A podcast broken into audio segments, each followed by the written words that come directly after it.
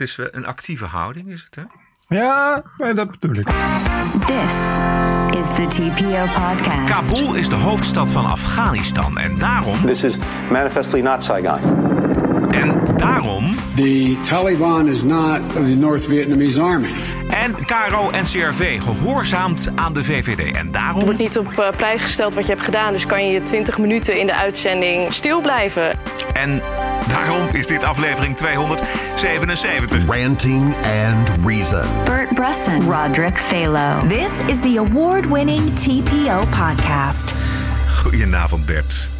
Oh, daarom. Het is maandagavond, 16 augustus. Er zijn Nederlandse vliegtuigen onderweg naar Kabul om Nederlands personeel uh, en militairen en tolken uh, op te halen van het vliegveld. Maar Ank Bijleveld, uh, minister van Defensie, weet niet of ze daar kunnen landen, omdat de start- en landingsbanen vol staan met mensen die weg willen. Ik heb wel inmiddels begrepen dat de Amerikanen de banen vrij hebben gemaakt. Ja. Verslaggever van Sky News zondag. We could see the movement on the maps getting nearer and nearer as province after province and town after town uh, fell, or rather, I should say, handed over uh, to the Taliban. Uh, and eventually it was I- inevitable. So we are completely surrounded. In fact, there is nothing else left now.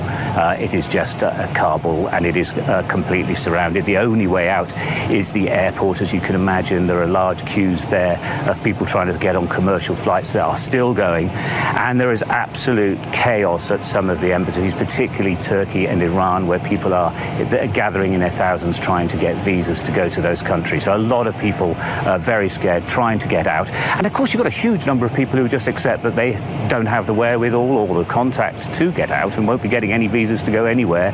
And they're hunkering down for what many see will be inevitable. Interestingly, quite a few of the people I, I spoke to, um, and you saw this in that report, just some of them were saying, honestly, we would prefer to have peace rather than continuous fighting. And I think that's perhaps what we've seen in so many of these towns that have just literally um, uh, handed over to the Taliban because they think it's inevitable now. It's quite possible uh, they will. I can actually see a helicopter gunship now going.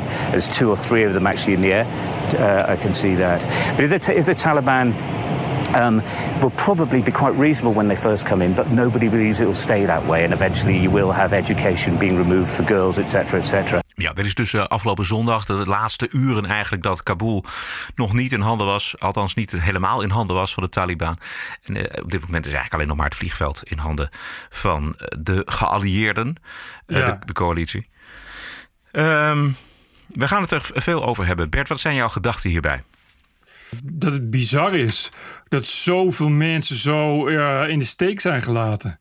Dat Nederlandse soldaten destijds ook gestorven zijn. Kennelijk voor niks. Dat uh, bijna. Het is wel, wel jammer dat de Taliban niet iets gewacht hebben tot 11 september. Wat toch niet zo lang wachten is.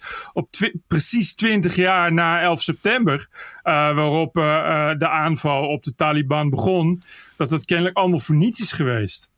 En dat we uh, gewoon naar die mensen hebben gezwaaid en gezegd: oké, okay, tabé, zoek het maar uit met de Taliban. En dat we uh, vlak nadat we hebben geroepen dat we uh, ISIS op de knieën hebben gekregen, we gewoon nu wederom en compleet met, met, hele, met hele wapenarsenalen en drones. Uh, de afgelopen 20 jaar 100.000 Afghaanse doden, 3.500 coalitiedoden, 20. Voor wat?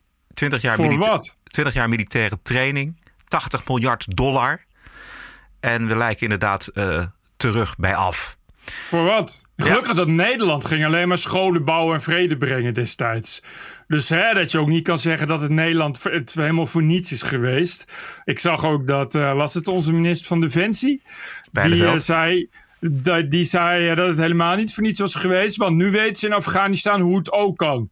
Zo! Ja. Als er dagen zijn dat de moed je in de schoenen zakt. wat wereldvrede en, en vooruitgang betreft. dan zijn het de afgelopen dagen geweest.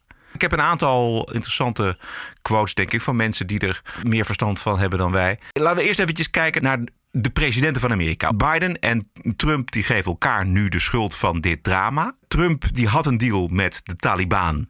Daar zat een plan achter. Dat plan heeft Biden niet gevolgd, zei voormalig minister Mike Pompeo, die persoonlijk met de Taliban heeft onderhandeld, afgelopen zaterdag bij Chris Wallace op Fox. Critics say that for the US to cut a deal with the Taliban without the Afghan government even in the room was hugely demoralizing and led inevitably to where we are today. Yeah, Chris, that's just simply not true. Go go read the deal. Go read the conditions that were built into the deal. I was in the room. I was at the center of working to deliver that. We negotiated a deal that formed a basis for the conditions-based withdrawal from American soldiers. I'm proud of the work that we did there. De vraag natuurlijk hangt boven de markt van of een deal überhaupt met de Taliban iets waard is. Of je die gasten überhaupt kunt, kunt, kunt vertrouwen. En ja, een corrupte president in Kabul. Daar hadden de militaire burgers genoeg van. Het soldij kwam, liet op zich wachten. Dus eh, ja, als je de motivatie onder nul wil krijgen, dan moet je vooral soldaten geen salaris geven.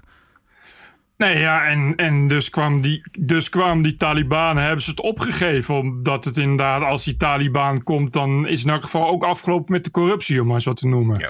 Dat is mijn best guess en waarom ze het zonder slag of stoot nu alles hebben opgegeven. Wie schuld is het? Volgens mij is Trump er ook mee begonnen, niet? Trump zei van ja, het, het, we hebben een deal met de Taliban en 1 mei gaan we weg. Ja. Vervolgens uh, verliest hij de verkiezingen en komt Biden. En het verhaal gaat dat Biden tegen alle adviezen van zijn strategen in een gehaaste terugtrekking heeft doorgezet. En de, en de consequenties daarvan die kon hij zelf niet bijhouden. Dit is een persconferentie van Biden op 8 juli jongsleden. Is the Taliban takeover of Afghanistan now inevitable? No. It is not. Mr. President, thank you very much. Your own intelligence community has assessed that the Afghan government will likely collapse. That is not true. Is it, can you please clarify what they have told you about whether that will happen or not? That is not true. They so, did not. They didn't. Did not reach that conclusion. So, what is the level of confidence that they have that it will not collapse? The Afghan government, they clearly have the capacity to sustain the government in place. And do you see any parallels between this withdrawal and what happened in Vietnam with some people feeling? None whatsoever. Zero. What you had is you had entire brigades breaking through the gates of our embassy. Six, if I'm not mistaken. The Taliban is not the South, the North Vietnamese army. They're not, they're not remotely comparable in terms of capability. There's going to be no circumstance where you see people being lifted off the roof of a embassy in the, of the United States from Afghanistan. The Taliban overrunning everything and owning the whole country is highly unlikely. Uh, dit, dit is onvoorstelbaar. Dat that didn't age well. Ja. die beelden van die Chinook, van, ja, van, die, van die ambassade naast die foto van, die, van, van die helikopter uh, in Saigon is toch wel, uh, ja. ja. Hmm, hoe zal ik het zeggen? Toch wel enige gelijkenis, op zijn minst. Ja. Dus het kan best zijn dat zijn veiligheidsadviseurs hebben gezegd: we kunnen uit Afghanistan, maar niet nu. En niet overhaast. Er is, nog meer, er is nog meer te regelen. En dit is het, het, het militair strategisch inzicht van de opperbevelhebber, van de commander-in-chief. Als Trump het was, dan stond het nu al uh, dagenlang groot op de Washington Post en CNN. Ja. Maar nu is het Biden en hij krijgt er nog net geen medaille voor. Ja, ik weet niet, oh, ik moet zeggen, ik, heb niet, uh, ik weet niet hoe groot de kritieken zijn, maar ongetwijfeld veel minder dan bij Trump. Uh, En ik, en, terwijl ik, ik snap het gewoon niet. Het, is, het, is, het lijkt nu al een, een, een, een kolossale fout. Dat is het, zonder twijfel. Uh, dat kan iedereen vaststellen, dat is, dat is absoluut waar. En uh, de Taliban doen nu nog een PR-offensief. Want er zijn nu nog fotografen en mensen met camera's. Ik kan je nu al vertellen dat ze over een tijdje van deur tot deur gaan en iedereen doodschieten die, uh, die voor het Westen heeft gewerkt. Uh, en en om daarna vrouwen gevangen te nemen en ze als slaaf te, te gebruiken. en inderdaad, dat hoorden we in de intro ook al. het onderwijs zo snel mogelijk af te schaffen. en, en iedereen onder, letterlijk onder een deken te laten lopen op straat. Wat er mis is gegaan en wat er, wat er beter had gekund, dat vond ik in een gesprek met een Amerikaanse viersterren-generaal Jack Keane, gepensioneerd, dus vrij om te spreken. En die gaf heel goed inzicht in wat er misging en wat er misgaat. Ik heb een paar fragmenten uit een gesprek met de Wall Street Journal. What we have here is an ill-conceived, hasty withdrawal that's turned into an embarrassing retreat. Let's put aside whether we should have left, whether we should be leaving Afghanistan or not. Reasonable people can disagree, but let's the decisions made as you said. Here's what he should have done: looked at this issue and said, number one, I want to guarantee that the Taliban are not able to take over as a result of my withdrawal decision. Right. And that would have that would have put in place conditions to ensure that was the case. And he would have recognized that 31 August makes no sense because what you want to do is withdraw the forces during the winter time when there's no fighting and the Taliban are back in Pakistan. We're, we're withdrawing right in the middle of the fighting season. And the Taliban knew for, first well what the IG just reported out from the Pentagon. And that is that Biden announces in April the Taliban launched this major offensive in May. Right. The catalyst is Biden's decision because they know full well, the Taliban leadership knows, that Biden is shutting down seven military bases, and the military of the United States will be completely preoccupied with that, as well as our coalition partners in that, and there'll be no resources and no time to assist the Afghan security forces. Oké, dus twee fouten, twee megafouten. Beginnen met terugtrekken in het vechtseizoen in de zomer. In de winter zitten die gasten allemaal in Pakistan. Dit is het vechtseizoen in Afghanistan. En als je die Amerikaanse troepen weghaalt over zeven bases, dan hebben die Amerikanen die zijn daar heel veel te druk mee bezig. Dus die kunnen helemaal niet ook nog eens een keer het Afghaanse leger ondersteunen als de Taliban het offensief inzet. Goed, hier hoor je dus een, uh, een generaal Misschien uh, was het een idee geweest als Biden het gewoon aan de generaals had overgelaten. Of in elk geval had geluisterd naar het advies van die generaals. Ja, precies. Want uh, zoals je hoort, heel gek blijkt dat de oorlogvoeren nogal wat bij komt kijken. Een stukje logistiek en een stukje vooruitdenken. En inderdaad uh, dat je rekening met moet houden met hoeveel troepen je hebt en op welk moment je dat doet. Vooral dat laatste, timing. Is, is allemaal niet gebeurd, nee. kennelijk. En ik, ik weet eigenlijk niet uh, waarom. Welke druk zit erachter dat Biden dit allemaal zo heeft gedaan? Is dit, wil hij zich uh, vredespresident wanen of zo? Dit is inderdaad een hele belangrijke vraag. En daar zullen de Republikeinen zeker naar, naar vragen. Want hier, hier moet een antwoord op komen. Omdat uh, lees ik in de Amerikaanse media, Biden wel degelijk door zijn adviseurs is gewaarschuwd voor dit scenario. Met nou ja, de reden die we gehoord hebben. Dus terugtrekken in plaats van, in plaats van uh, langzaamaan uh, teruggaan. Daar zit nogal een strategisch verschil in. Ja. Terugtrekken doe je namelijk alleen als je aan het verliezen bent. En dat, dat was geen sinds het geval. Of had dan ook van niet het geval hoeven zijn. en dat is nou niet, nu niet echt beter op geworden. Nog een keer die vier sterren generaal. President Trump with the Taliban that that failed. We tried it with the Afghans and the, and the Taliban talking. That has failed too, and it fails for a very good reason. The Taliban want military victory. They don't right. want a negotiated settlement. They don't want to share political power. And I don't know why people in the administration can't get that in their head. that we're on a completely different page from where the Taliban are. Juist. En dat moeten we ook constateren na twintig jaar in Afghanistan te zijn. Dat daar een andere realiteit heerst. Uh, in, nou, nou ja, maar de realiteit van een vijand die bestreden had moeten blijven worden. Dat wilden de coalitiegenoten, maar Trump en Biden wilden dat allebei niet. Nou ja, dat is wel een dingetje. Kijk, als de beslissing er eenmaal is dat je eruit gaat, dan ja, als je eruit gaat, betekent dat dat die Taliban terugkomt. Dus dat is natuurlijk iets wat, eh, wat voorzien was. Maar ja, dat is, dat is natuurlijk ook het probleem. Want die, dat Afghaanse leger dat is helemaal niet op orde. Want die krijgen niet betaald. En we hebben een corrupte president daar in Kabul. Hadden we? Uh, had Amerika niet de morele plicht om die luiden in elk geval uh, tegen te houden? Uh, en te verslaan? Of is het oké om daar weg te gaan en die, mens, die mensen daarin uh, terecht laten komen in de hel van, van de sharia die nu over ze heen komt. Ja, in Amerika, wat toch de, het, de meeste manschap, het meeste geld heeft geleverd voor die missie, 20 jaar lang in Afghanistan, dat de Amerikanen dachten van ja, uh, we zijn er 20 jaar en moeten we er nou nog 20 jaar zitten? Dus de, ja. het idee, en dat, en dat zowel links als rechts, zoals Trump als Biden, waren het daar wel over eens. Dat ze niet nog eens een keer 20 jaar daar wilde blijven zitten. Dus dan is de vraag: wanneer gaan we daar weg? Nee, dat snap ik wel. Uh, maar ja, hoe, groot is het kwaad? Ja. Uh, dat, je wilt, dat je wilt laten bestaan. En Ja, dat zeg ik, als je, als je wel ISIS wilt bestrijden, uh, is het raar dat je, de, dat je nu de Taliban dan zo'n grote hand geeft. Wat als ze een deeltje kunnen sluiten met de Russen uh, en met hulp van Pakistan uh, door Iran mogen. Ze zullen geen vrienden zijn met Iran, want dat zijn Shiiten. Die zijn met helemaal niemand vrienden anyway.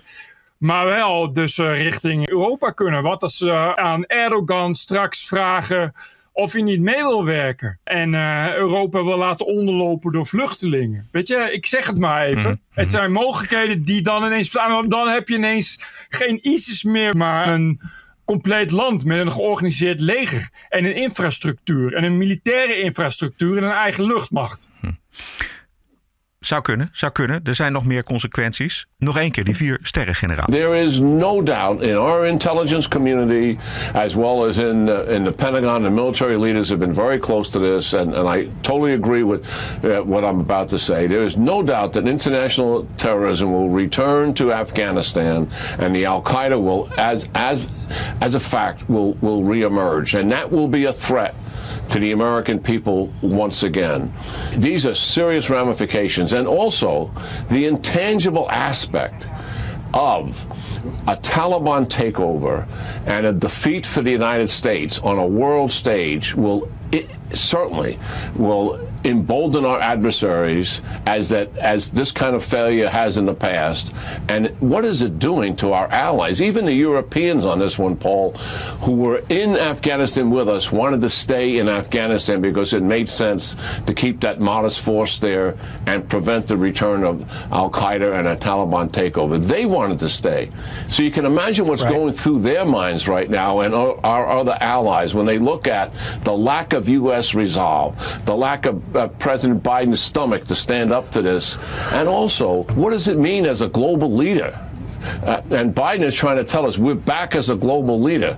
Well, we don't look like a global leader based on the consequences of his decisions.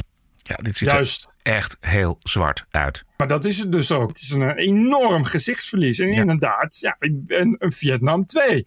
Je kan aan beide kan wel zeggen dat het uh, totaal niets met elkaar te maken heeft. En dat het anders was.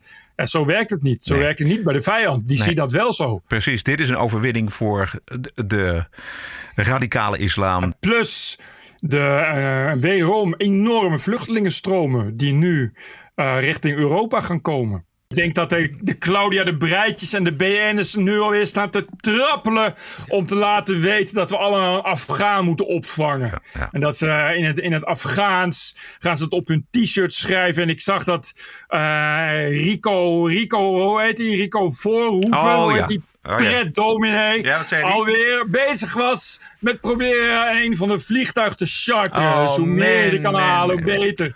Ze komen Oh. straks weer met bakken tegelijk hierheen. Inclusief, inclusief de eh terreurjihadisten die zich wederom zullen verschuilen onder de vluchtelingen. Waar we allemaal niets van mogen zeggen. Van Judith Sargentini en Tineke Seelen. Want dat is allemaal zwaar kwetsend. Ja.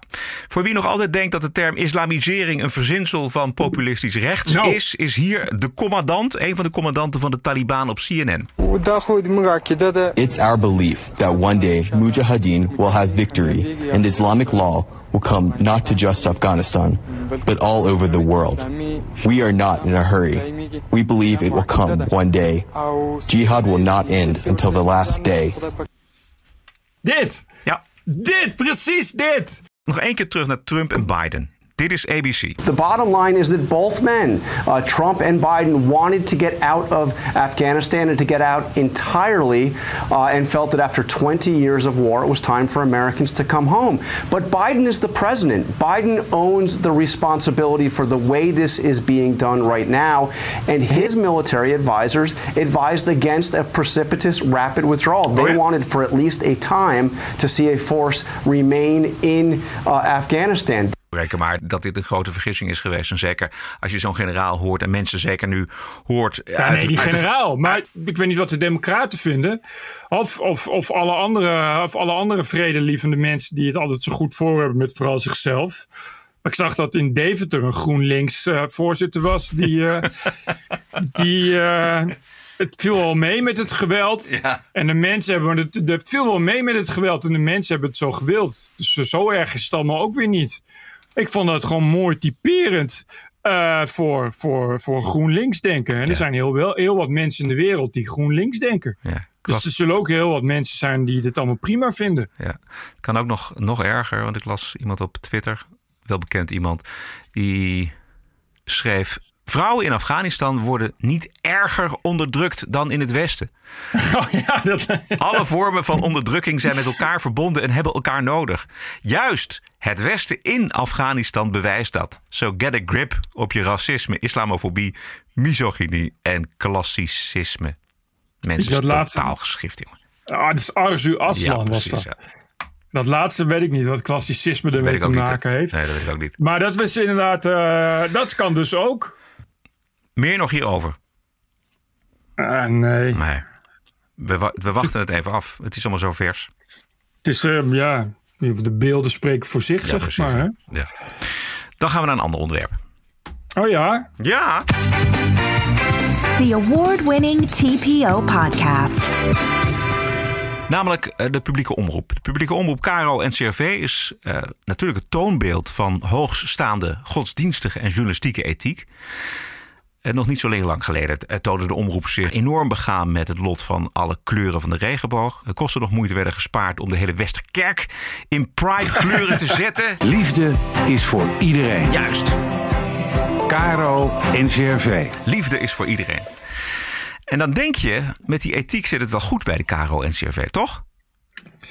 Uh, nou, bij de KRO-NCV, dat is, is uh, denk ik, kan niet anders. Het is echt uh, vrede en tolerantie eigenlijk, kun je het wel noemen. Ja, ja. Daar hadden ze een, een, een tijdje geleden al een akkefietje met uh, journaliste Talita Muse. Zij ja. werd ingehuurd vanwege kritisch, vanwege vrouw, vanwege een kleurtje. is weggestuurd wegens de kritisch en ongewenst door politieke partijen. is al veel over te doen geweest, maar toch leuk dat ze vrijdag nog eventjes te gast was uh, in het uh, goed te pruimen programma Media Insight van BNN Vara. Toen zat de VVD daar ook aan tafel. dat was na het hele debat hè, met functie elders. ja, het grote debat. Het grote debat, wat ik echt het moreel failliet eigenlijk van onze politiek mm -hmm. vond. Nou, daar was ik dus inderdaad heel kritisch over. En toen werd gezegd, ja, die avond zitten de VVD'ers aan tafel om het daarover te hebben. ja, het wordt niet op prijs gesteld wat je hebt gedaan. Dus kan je 20 minuten in de uitzending stil blijven. En dan halen we wel ook uit beeld. En ik kan twintig minuten niet aan het woord zijn. Toen dacht ik, ja, dit was echt een druppel. Dat, dat vind ik een vorm van censuur. Dan ga ik het niet doen. Nee. Het is een programma van Gijs Groenteman en Marcel van Roosmalen. En wie er ook aan tafel zat was Caroline van der Plas van de Burgerboerenbeweging. Heb je het idee dat er uh, misschien vanuit de politieke dan invloed is gekomen om te zeggen van nou weet je, je mag daar niet meer zitten? Of heb je bedoelt dat die VVD'ers die daar zaten dat gevraagd Ik zeg niet dat het zo is, oh, maar... Nee, maar het is, het is sowieso vanaf het begin dat ik daar zat, vanaf de eerste uitzending die ik deed, kreeg ik af en toe al signalen door van nou, uh, uh, sommige politieke partijen zijn niet zo blij met jouw benoeming als presentator. En toen Wat voor soort maar... signalen waren dat dan? Nou, dat, zo wordt dat dan gebracht. Van, nou, we hebben van die en die politieke partij gehoord uh, dat, het niet, dat ze niet de taart zijn gaan eten omdat jij bent benoemd als presentator. Dus hou je een beetje in. Hou wie je een zegt dat?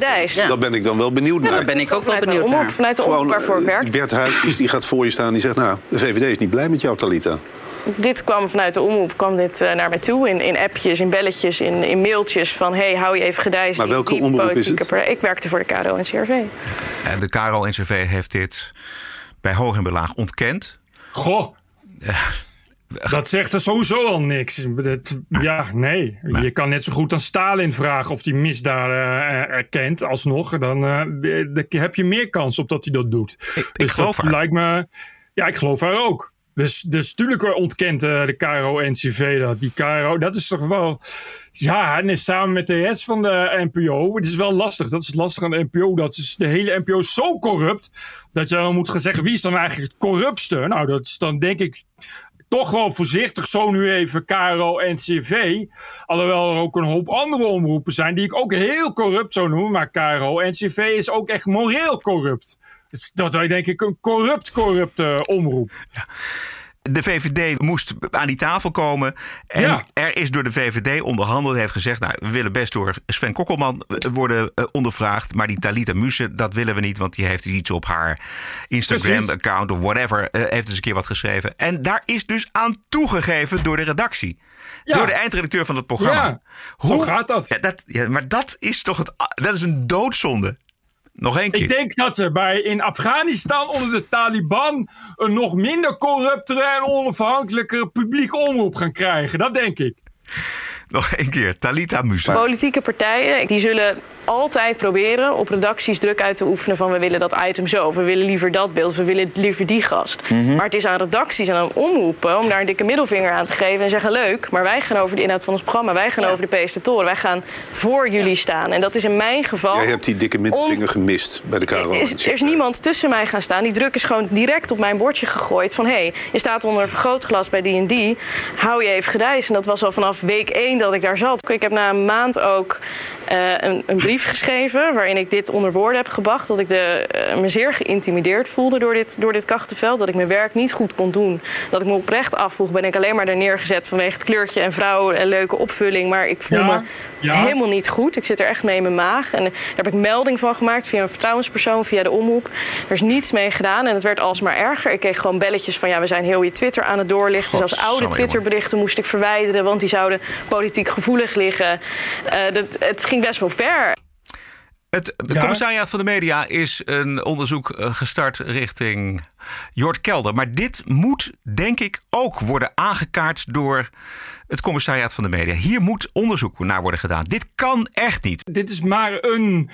Toevallig een, een deksel van een rioolput die wordt, eh, wordt opgelicht. Volgens mij is, er nu ook, is het eh Ton Verlind Ja. eh, die net een nieuw boek uit heeft. Ja, dat gaat alleen maar over dat soort dingen. Je kan iedereen die werkzaam is of werkzaam is geweest bij, bij, bij de NPO en het Mediapark het vragen. En die zullen allemaal hetzelfde zeggen.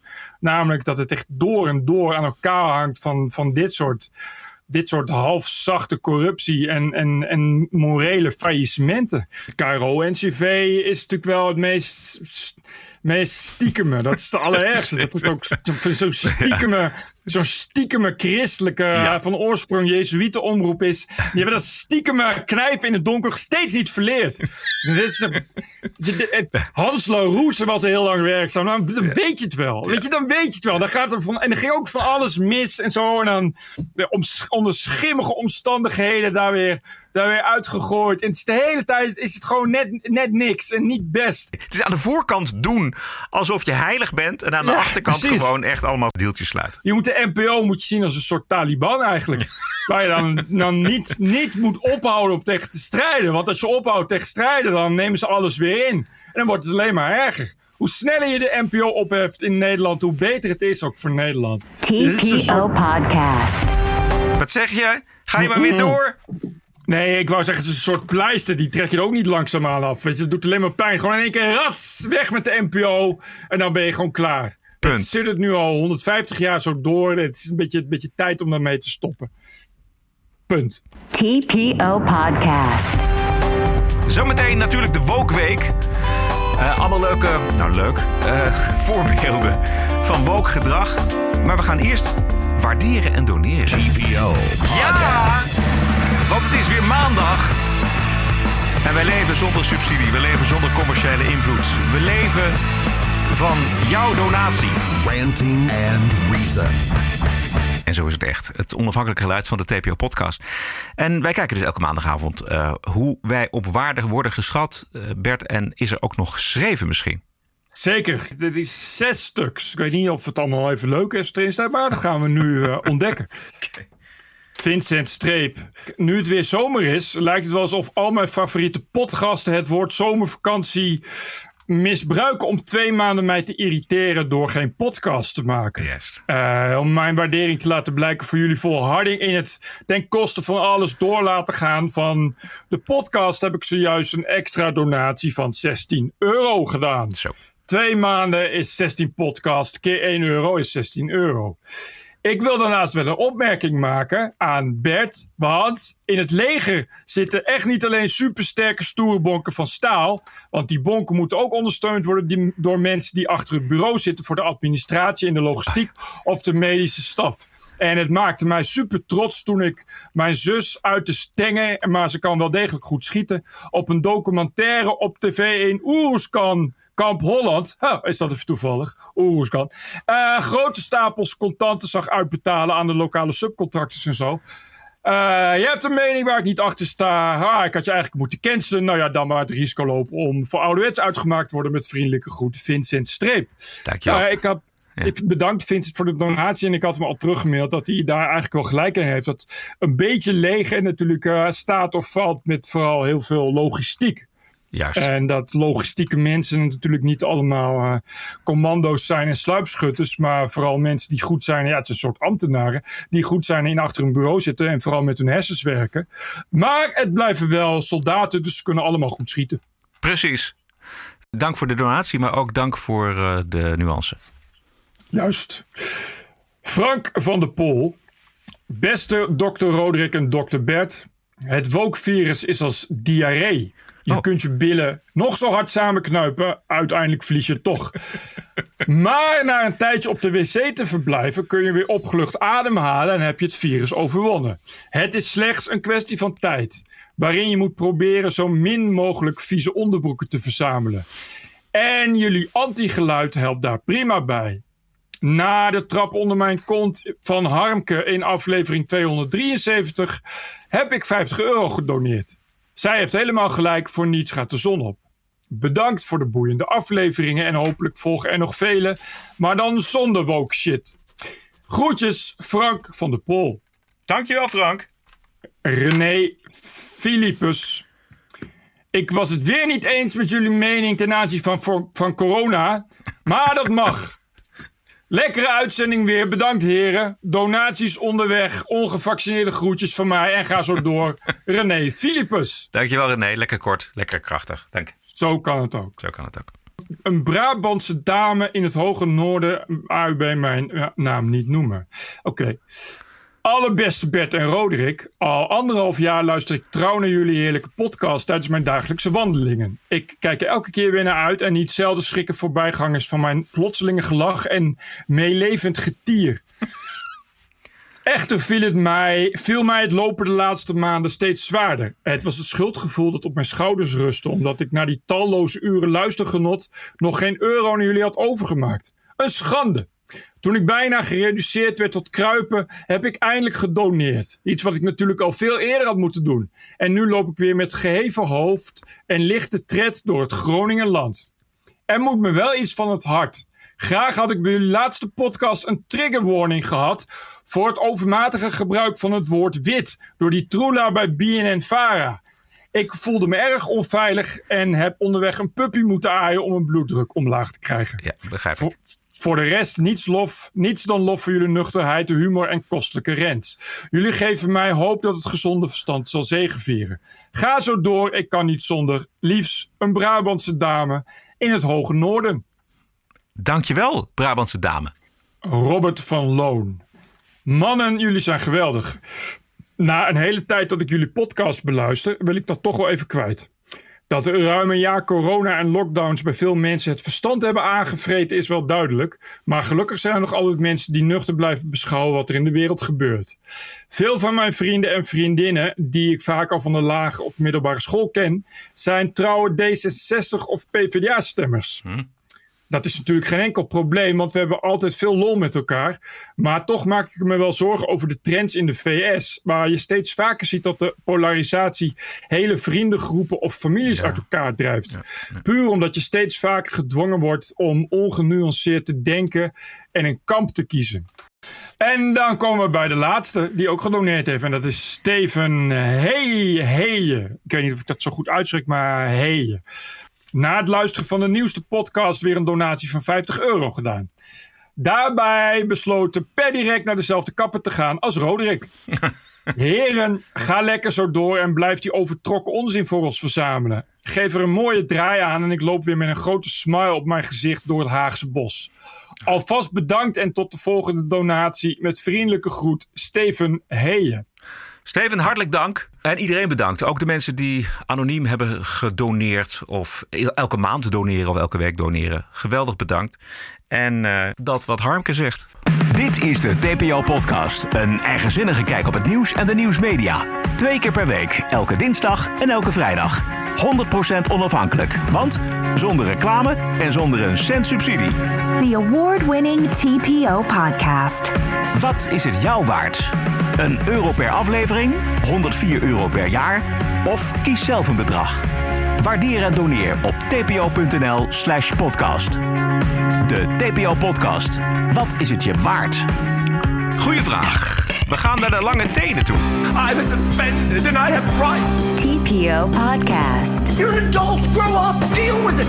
I don't care. care. Dit zijn de berichten uit de open inrichting mensen, bedrijven, instanties die zich een slag in de ronde deugen en die buigen voor de terreur van de identiteitsideologie. Bert, jij stuurde mij uh, weer wat nieuwe regels voor veilige, inclusieve en toegankelijke taal voor de kunst- en cultuursector. Volgens het nieuwe regime van de Code Diversiteit en Inclusie. Een nieuwe taal voor een nieuwe tijd. Van bovenaf wordt de kunst- en cultuursector verboden en geboden opgelegd. Allemaal bedoeld om uh, de macht van uh, blanke hetero mensen te breken. Onder uh, redactie van één iemand, las ik. Die zijn credits verdiend moet hebben. omdat hij getransformeerd is van vrouw naar man. werkt als een journalist. en politicologie gestudeerd heeft. En hij is ook nog theatermaker en conceptontwikkelaar. en wordt regelmatig ingehuurd als adviseur divers vaardigheid. Ja, Nieuw woord. Diversvaardigheid. Wat is daar? Had ik nog nooit van gehoord. Ik ook niet. Maar goed, in de, in de woke, in de woke sectie kom je eigenlijk elke dag duizenden nieuwe woorden tegen. Ja. Maar dit is precies mijn bezwaar tegen al die diversiteitsbureautjes. die op basis van nul expertise op het terrein van psychologie en mensen. Uh, uh, ja, uh, anderen wijs gaan maken welke vooroordelen ze hebben. en hoe ze daar ja. van af moeten komen. Dat is levensgevaarlijke doktertje spelen. Ja, maar dit was toch ook. Dit was alleen een boekje met taaltips, toch? Nou, en behoorlijke taaltips, moet ik zeggen. Nee, ja, het is zo, zo, zo dystopisch als een neten. En het is gewoon, het boekje uh, is eigenlijk gewoon taalpolitie. Ja. Uh, en en, en dus het is natuurlijk een waarschuwing. Pas uw gedachten op tijd aan. Anders ja. komt straks de gedachtenpolitie je, je inrekenen. Uh, daar gaat het niet om. Maar hij, ik, er stond toch niet verder in, want ik, ik heb het maar heel uh, even meegekregen. Ik, dit boekje ging naar, naar iedereen die werkzaam is in de kunst ja. en cultuur, geloof ik. Ja. hè? Ja. Oké, okay, heel goed. Nee, heel goed. Je moet inderdaad mensen zo persoonlijk mogelijk bereiken. Je kan, uh, elke evangelist weet dat. Je kan niet volstaan met af en toe even wat zeggen. Je moet blijven drammen en opdringen. Uh, als je foldertjes persoonlijk bij mensen door de bus kan duwen, is dat gewoon heel veel waard. Ja. Ja, maar die, die, die code diversiteit en inclusie, dat is een hele incestueuze code. Want onder aan die folder over wat er allemaal wel en niet meer gezegd kan worden, uh, daar heb je dan een leeslijst. En daar staan toch dan weer de bekende stokpaardjes in, zoals Gloria ja. Wekker met Witte Onschuld, Anoushka Tsume met Hallo Witte Mensen en, en twee boeken van de auteur van de folder zelf. Dat is heel slim. Ja. Want die boeken die moet je dan kopen. Ja. Dus het is natuurlijk leuk als zoiets ook nog eens iets oplevert. Behalve, behalve alleen maar drammen en opdringen is het leuk als je daar ook je zakken mee kunt vullen. Ja, precies. Uh, ja, ik, uh, ik las dat uh, zelfs Joep van het Hek het niet meer trekt. Die heeft nou al twee weken op rij geweldige column waarin hij eigenlijk vooral woke sloopt. wat ik dan wel heel grappig vind. Want ja. kijk, Joep van het Hek is, is, uh, is de cabaretier van het keurige NSC-publiek. Ja. Uh, en uh, NSC-publiek is toch, toch wel de eerste groep witte, witte mensen die zich enorm aangesproken voelt ja. om zich woke te gaan gedragen. Ik vind het dan wel grappig dat de Hof naar uh, even dunnetjes overheen gaat. Ja. En misschien moet NRC uitkijken dat door de column van Joep van het Hek de lezers niet naar trouw gaan. Want op de opiniepagina van Trouw uh, ja. waren twee docenten Nederlands. Daar gaan we weer, Nederlands. Ja, en zij ja. stellen voor om bij de eerste les de kinderen niet alleen hun naam te vragen, maar ook naar hun genderidentiteit te vragen. Dus, Ja. hè, dus zeg maar, gerust 99% van de leerlingen weet of die jongen of meisje is. Kan ook nog homo of hetero zijn, maar gender is duidelijk. Maar voor die ene procent moet alles om en moeten kinderen van deze twee docenten Nederlands nadenken over hun gender en die van anderen. Ja, dat is echt ook al bij de eerste kennismaking. hè. Dus het is echt eh, een van de belangrijkste dingen. Als je, als je opnieuw op school komt, is, is de genderidentiteit. Dat kun je niet snel genoeg eh, opdringen. Taal en inclusie gaan hand in hand en als docenten Nederlands denken wij met onze leerlingen daarover na. Hoe inclusief is ons taalgebruik en wat kan beter? In klas VWO 3 bogen we ons laatst over de vraag hoe je docenten aan zou kunnen spreken die geen meneer of mevrouw zijn. Die worden bij ons op school nu aangesproken als mevreer en menau. Ja, ik vond dat een hele goede reden om niet naar die school te gaan. In Amerika is de, de, de CRT, de Critical Race Theory, die hier allemaal aan ten grondslag ligt, is niet langer beperkt tot eh, de scholen. Ook grote bedrijven introduceren deze theorie op de werkvloer, waardoor werknemers in twee groepen uiteenvallen. Zoals eh, te verwachten is, hè, de, de blanke als onderdrukkers en de gekleurde mensen als onderdrukten. En schrijver en filmmaker Christopher Rufo die heeft eh, tien van dit soort bedrijven doorgelicht, bestudeerd.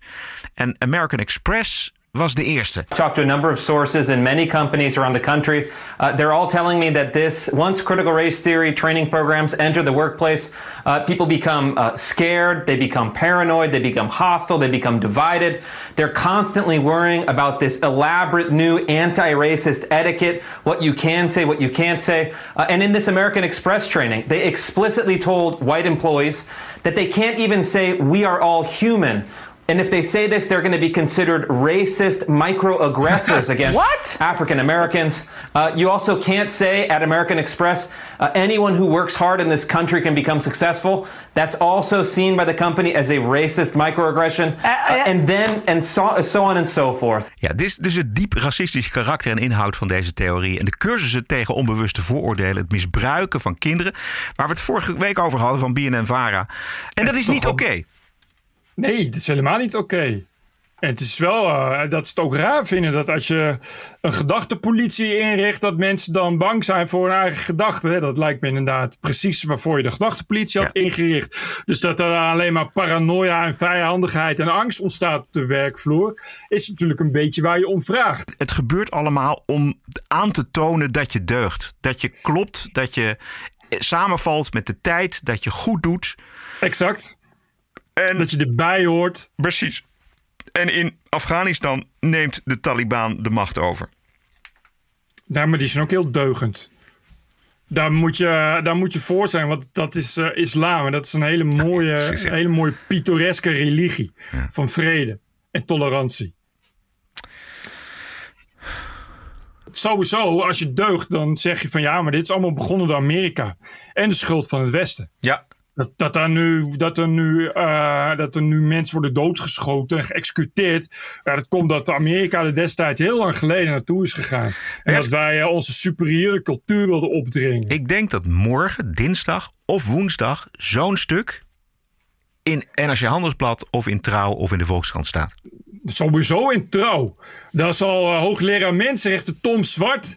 Is denk ik al achter het toetsenbord gekropen. Dat kan bijna niet anders. Tom Zwart kun je namelijk altijd op rekenen. Als het over dit soort dingen gaat, is altijd Tom Zwart als eerste met een opiniestuk. Om te vertellen dat we het niet zo heel negatief moeten zien. En dat we het vooral allemaal aan onszelf te denken hebben. En dat het misschien een goed idee is om dat ook in Nederland in te voeren, Taliban. Dat is een beetje eh, meestal wel de kern van, van het betoog van Tom Zwart. Ik heb er nog eentje. Oh, leuk.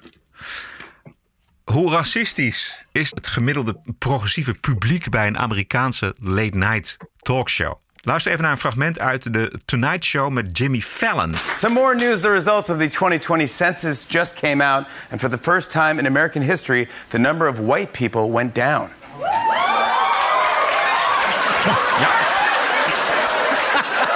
Applaus voor een nieuwsbericht dat het percentage blanke Amerikanen aan het afnemen is. That's an interesting reaction to that. Dat je daar ook blij mee bent, hè? Ja. Dat je niet zegt van zijn jullie, helemaal, zijn jullie wel goed bij je hoofd? Dat je kennelijk denkt, hoe minder blank, hoe beter. En dan ben je zelf blank. De, ja. Ja, de zelfhaat is, is grenzeloos in het Westen. Ja. En dat, dat wordt Ja. natuurlijk ooit een keer, als dat doorgaat, wordt dat natuurlijk het einde van het Westen. Dat, ja, dat, klinkt, dat klinkt heel erg doemig. Het is heel realistisch. Als je jezelf is, niet eh, meer serieus neemt, als je jezelf eh, wegcijfert op deze manier, als je jezelf het liefst opheft, ja, dan is het Nou ja. gewoon klaar op een gegeven moment. Ja, dat is hoe het gaat. Dit is al heel lang aan de hand. In de EU een stuk erger dan in Amerika. Maar goed, Ja. het is in beide, beide, beide gebieden eh, gaat, is dat zo. Gaat dat, gaat dat steeds verder en verder. En daar valt niks tegen te doen. Omdat je, als je daar steeds dieper van overtuigd wordt. Net als religie. Ja, dan, dan, dan rolt dat over je heen. Dat is net als de Taliban. Eh, kun je daar uiteindelijk kun je daar straks niks meer aan doen. We hebben het natuurlijk gehad ook in de jaren 60 en 70. Weet je, toen, toen vooral hier in Europa heel erg dat anti-Amerikanisme opkwam. En het was ook allemaal, weet je, we, we gingen demonstreren tegen de neutronenbom. En we moesten allemaal de hand uitsteken. En eenzijdige ontwapening was heel erg belangrijk. En dat was ook zo'n beweging van, ja, niet, die zei dan niet weg met ons, maar die, die, die- de, de naïviteit straalde er vanaf. Was Ja, ongelooflijk. En toen, Precies hetzelfde. Ja, precies hetzelfde. En toen is het Westen natuurlijk gered door mensen als Thatcher en Reagan, die, die gewoon daar eh, uiteindelijk het einde van de Koude Oorlog en de overwinning van het Westen eh, hebben afgedwongen. Dus dat, eh, die Amerikanen hebben hun rug recht gehouden. Maar dat kun je niet eindeloos blijven herhalen. Eh, eh, exact. En nu gaat het weer mis. En dan moet je maar hopen dat er weer een Reagan en weer een Thatcher komt. Maar nou ja, wij hebben, kijk, dit, dit was destijds een koude oorlog die heel lang heeft geduurd. Eh, het is maar de vraag wat, wat er nu komt, wat, wat heel lang duurt. Ook een koude oorlog, maar ja, weet je, de koude oorlog van de islamisering onder andere. Ja. En de koude oorlog van, eh, van het herlevende marxisme. Om maar eens wat te noemen. Ik las dat eh, Black Lives Matter eh, het regime van Cuba steunt. dat, soort, dat soort verschrikkelijke, dat soort verschrikkelijke waanzin. Nou, ik vind het wel mooi dat dat, dat, dat duidelijk is. eh, want dat geeft ook aan waar ze natuurlijk in feite staan. Namelijk aan de uiterst linkse kant. Eh, Dat ze het doel hebben om dat eh, kapitalisme en eh, de huidige samenleving in het Westen, de vrije samenleving, om zeep te helpen.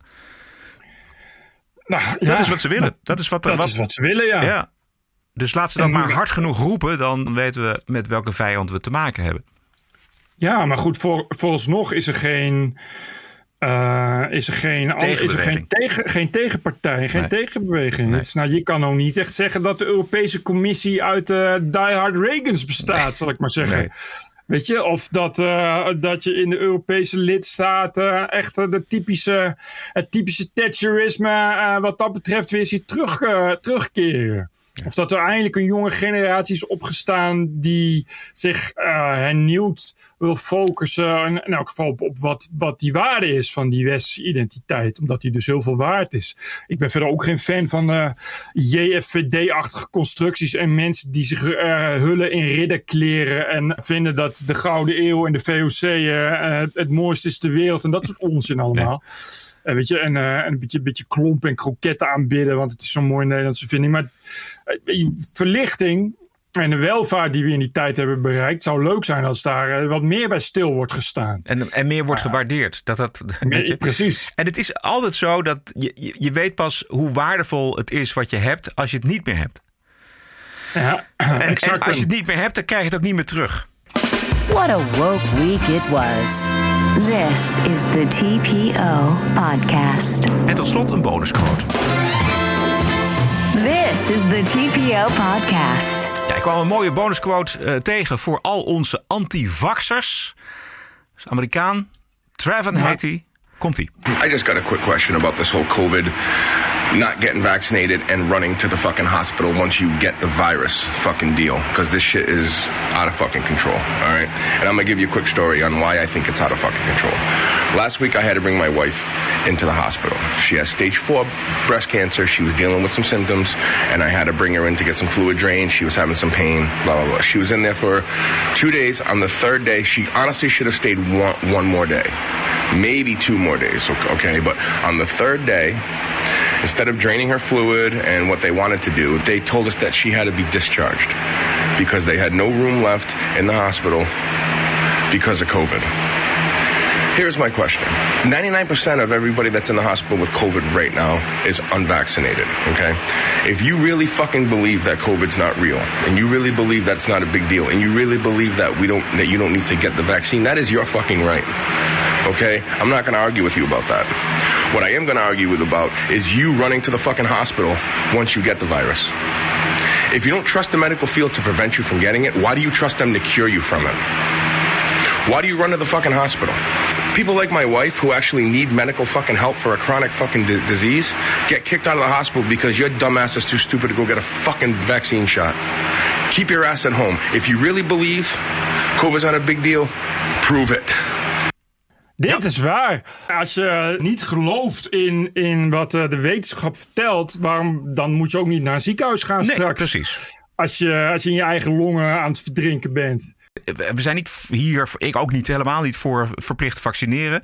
Maar 95 eh, tot 99 procent van de mensen in het ziekenhuis zijn niet gevaccineerd. Ja, ga dan ook niet. Nee. Als je geen, geen, geen vertrouwen hebt in de medische wetenschap, ga dan ook niet. Dan heb je, als je dan ziek wordt, heb je er ineens wel vertrouwen in. Nou, wat, eh, dat, eh, dat vind ik raar.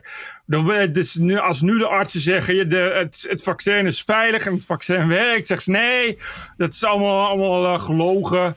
En dat is allemaal propaganda en leugens van Big Pharma. Oké, dat is wel raar dat als je dan ziek bent, dat je dan ineens wel vertrouwt op die, exact diezelfde arts. Maar het heeft dus logistiek consequenties.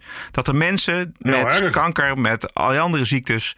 op een gegeven moment het eh, ziekenhuis moeten verlaten... en plaats moeten maken voor mensen die geweigerd hebben... om een vaccinatie eh, te nemen. afgezet tegen het aantal vaccinaties wereldwijd wat nu uitgedeeld is, is 99,999% eh, is niet in het ziekenhuis beland. Dus het is 0,01 eh, van de gevaccineerden belandt nog in het ziekenhuis. Ja. Eh, is, dit is wel, nu we het er toch nog over hebben, is dit nog wel even leuk. Ik had me heel even verdiept in hoe het eigenlijk. Ik dacht ook van, is het nieuw? Weet je, is dit iets wat ehm, alleen maar dankzij social media? Weet je, hoe ging dat vroeger met vaccinaties? Nou, je raadt het nooit. Sinds de allereerste vaccinatie bestaan er vooral heel veel antivaxers. Eh, ik had er eens een. eh, in 1885 eh, was er in Canada een pokkenuitbraak. De autoriteiten die, ja, deden toen hetzelfde als nu, namelijk eh, proberen mensen zoveel mogelijk richting een vaccinatieplicht, alleen geen plicht, maar wel eh, je kon bijvoorbeeld je baan kwijtraken, omdat eh, ja, de, de fabriekseigenaren die zeiden als je niet bent gevaccineerd, wil ik je niet in mijn, wil ik je niet in mijn fabriek hebben. Het is eigenlijk hetzelfde als wat er nu allemaal gebeurt. Ja, Ook ja, ja. propaganda vanuit de overheid, et cetera, et cetera. Uh, Ik kwam een mooie, een mooie pamflet tegen van een antivaxer in die, die tijd, Dr. Alexander Ross. En die schreef onder andere: Tyrannie! Geen baan voor degene die weigeren het teken van het beest op hun arm te dragen. Het is een schande. Vaccinatie werkt helemaal niet tegen de pokken, maar het veroorzaakt juist pokken. En ook syfilis. En kinderen gaan ronduit dood aan het vaccin. Er is trouwens helemaal geen epidemie.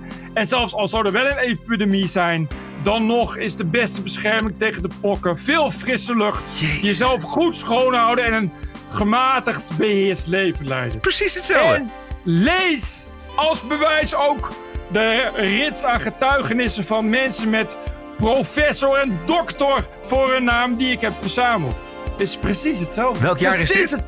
Dit is 1885. Dus dat is eh, 136 jaar geleden. En precies wat je nu hoort, dat hoorde je, hoorde je de 150 jaar geleden ook al. Geweldig. Tot zover deze TPO-podcast. We zijn te vinden op onder meer Spotify, Apple Podcast, iTunes en natuurlijk eh, tpopodcast.nl. Heel veel dank voor de ondersteuning. Aflevering 277. Post mag naar info.tpo.nl. En vaxers en antivaxers die waarderen, die worden van harte uitgenodigd om te doneren via onze website tpopodcast.nl.